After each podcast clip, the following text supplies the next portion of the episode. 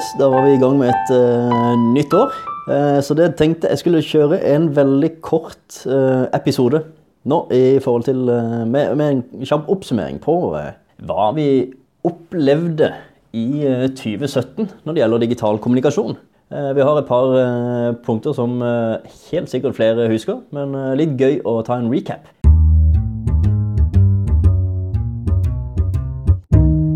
En ting var at vi fikk Instagram Stories-annonser. Det ble rulla ut eh, globalt. Muligheten til å kjøre rett og slett en reklamesnutt på eh, tre til ti sekunder i eh, Instagram Stories. Det samme kom for det norske markedet når det gjaldt Snapchat. Eh, det var jo like før eh, valgkampen, eller var vel i valgkampen, faktisk, i 2017, eh, sommeren 2017, at Snapchat rulla ut uh, muligheten for å annonsere i Norge. Det åpna for alle, altså. Jeg husker uh, det var jo Høyre kjørte ut noen kampanjer i forhold til bruk av Snapchat-filter, uh, mens Ap hadde en sånn film med Jonas Gahr Støre som prøvde å stoppe hva skal vi si for noe? Stoppe deg fra å klikke videre på annonsen. Litt fiffig vri. Jeg syns den fungerte. I tillegg så ga åpna Facebook muligheten for at eh, sider nå kan prate i grupper som de administrerer. Før så var det kun privatprofiler som kunne prate i Facebook-grupper. Men i 2017 så åpna Facebook også for at eh, sider kunne gjøre dette. Det er jo ingen eh, hemmelighet at veldig mange er aktive i grupper. Eh, mer og mer allerede. Nå har jo Eh, av kommunikasjon har jo flytta seg fra feeden og inn i private grupper og eh, private samtaler. Eh, faktisk er over en milliard, nå ser vi på verdensbasis, da, over en milliard mennesker aktive i Facebook-grupper. Så det er et, et bra grep som er positivt for veldig mange bedrifter. At de kan lage egne lukka grupper for sine lojale kunder og følgere. I tillegg så åpna Facebook for at du kunne ha bevegelige toppbilder på toppen av siden. Det er jo fantastisk, for utrolig kjedelig å bare se på et eh, stillestående bilde. Endelig kan du ha litt animasjon. Det ble også muligheter for å invitere seere i en livestream på Instagram. Også veldig kult. det var jo først rulla ut for IOS 11. Nå eh, har jeg også sett at det er åpent for Android. Eh, men eh, når du kjører en livesending på Instagram, så har du også muligheten til å invitere noen av de som ser på, sånn at de kan bli med i livestreamen. Eh, noe som også er åpna for, er jo at du kan lagre denne livestreamen i 24 timer. Før så var det sånn at eh, livestreamen bare forsvant med en gang du var ferdig. Nå ligger den faktisk eh, på feeden din, eller i toppen på Stories, i 24 timer, hvis du ønsker det. Twitter åpna for 280 tegn. Det er vel en dobling i forhold til hva de hadde tidligere. Facebook fjerna eh, muligheten til å endre forhåndsvisning i lenker som deles. Det er full forståelse for det, for det er jo et godt grep og et smart grep i forhold til eh, å unngå dette med falske nyheter. Eh, clickbait for å få folk inn på en eh, side og lure folk inn til å skape trafikk. Så et, til syvende og sist egentlig et bra grep, synes jeg. Facebook tok også og kopierte Snapchat i 2017. De oppretta Stories, Facebook, eh, i mars. Instagram var vel hakket tidligere, hvis jeg ikke tar helt feil. Eh, men så kom Facebook med Stories, og så kom WhatsApp med Stories. Alle er Facebook-eide. I tillegg så begynte jo Skype å tulle med å legge stories. Alle skulle gjøre som eh, Snapchat. Det, det, gikk mye humor på Twitter og sånne ting rundt akkurat dette her, husker jeg. Det var moro. Noen lagde noen mockups på stories i Excel eh, for moro. Men eh, nå får vi se. Facebook og Instagram eh, ser ut til at det, i hvert fall Instagram har blitt veldig populært med stories. Men må vi se om, klarer, om de klarer å, å, henge med på den lekenheten og det morsomme som Snapchat får til.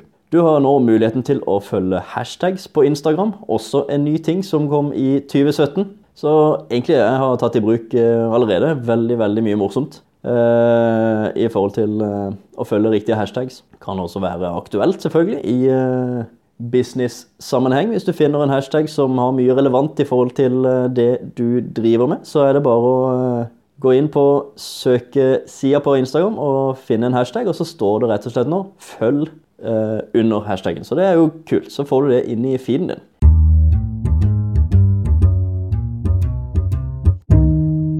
Det var noen av høydepunktene i 2017. Eh, ganske mye bra jeg syns eh, har kommet, så det er kult. Jeg ser veldig fram til 2018. Det er en eh, herlig utvikling, og det er veldig gøy å følge med på. Så dette blir moro. Jeg har noen antagelser for 2018. Skal jeg ta og nevne bare et par stykker? Eller kanskje én hovedsakelig. Jeg tror bots, botter tar over. Det er noe litt påståelig her. Kommer til å ta mer og mer over i forhold til e-post og spesielt e-commerce, altså for nettbutikker. Det er veldig få som hopper i taket og jubler av glede når det kommer en e-post inn.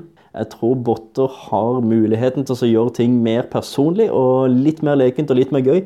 I tillegg så er det faktisk mulig nå å kjøpe ting direkte i en bot. Dette har jeg testa sjøl, og det fungerer glimrende. Det er noen integrasjoner med stripe.com og betalingsløsninger der.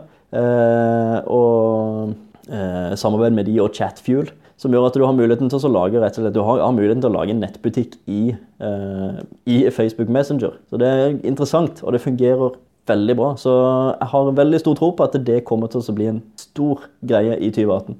Eh, stories i eh, Facebook, Instagram, Snapchat. Eh, det er klart at stories er allerede den nye tidslinja. Det som blir spennende å se for 2018, er å se hvem som faktisk vinner dette. Jeg tviler på at folk gidder å publisere stories på altfor mange plattformer. En av disse tror jeg kommer til å bli en vinner.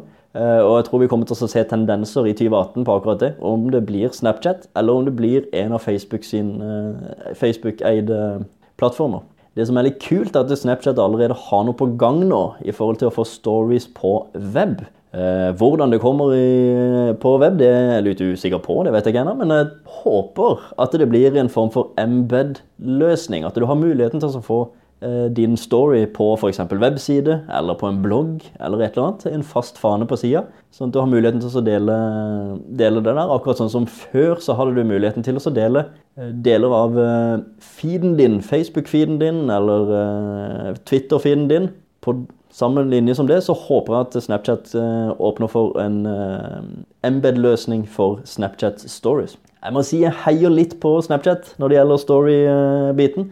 De var tross alt først ute, og jeg syns de er mest innovative når det gjelder nye ting. Så men vi får se.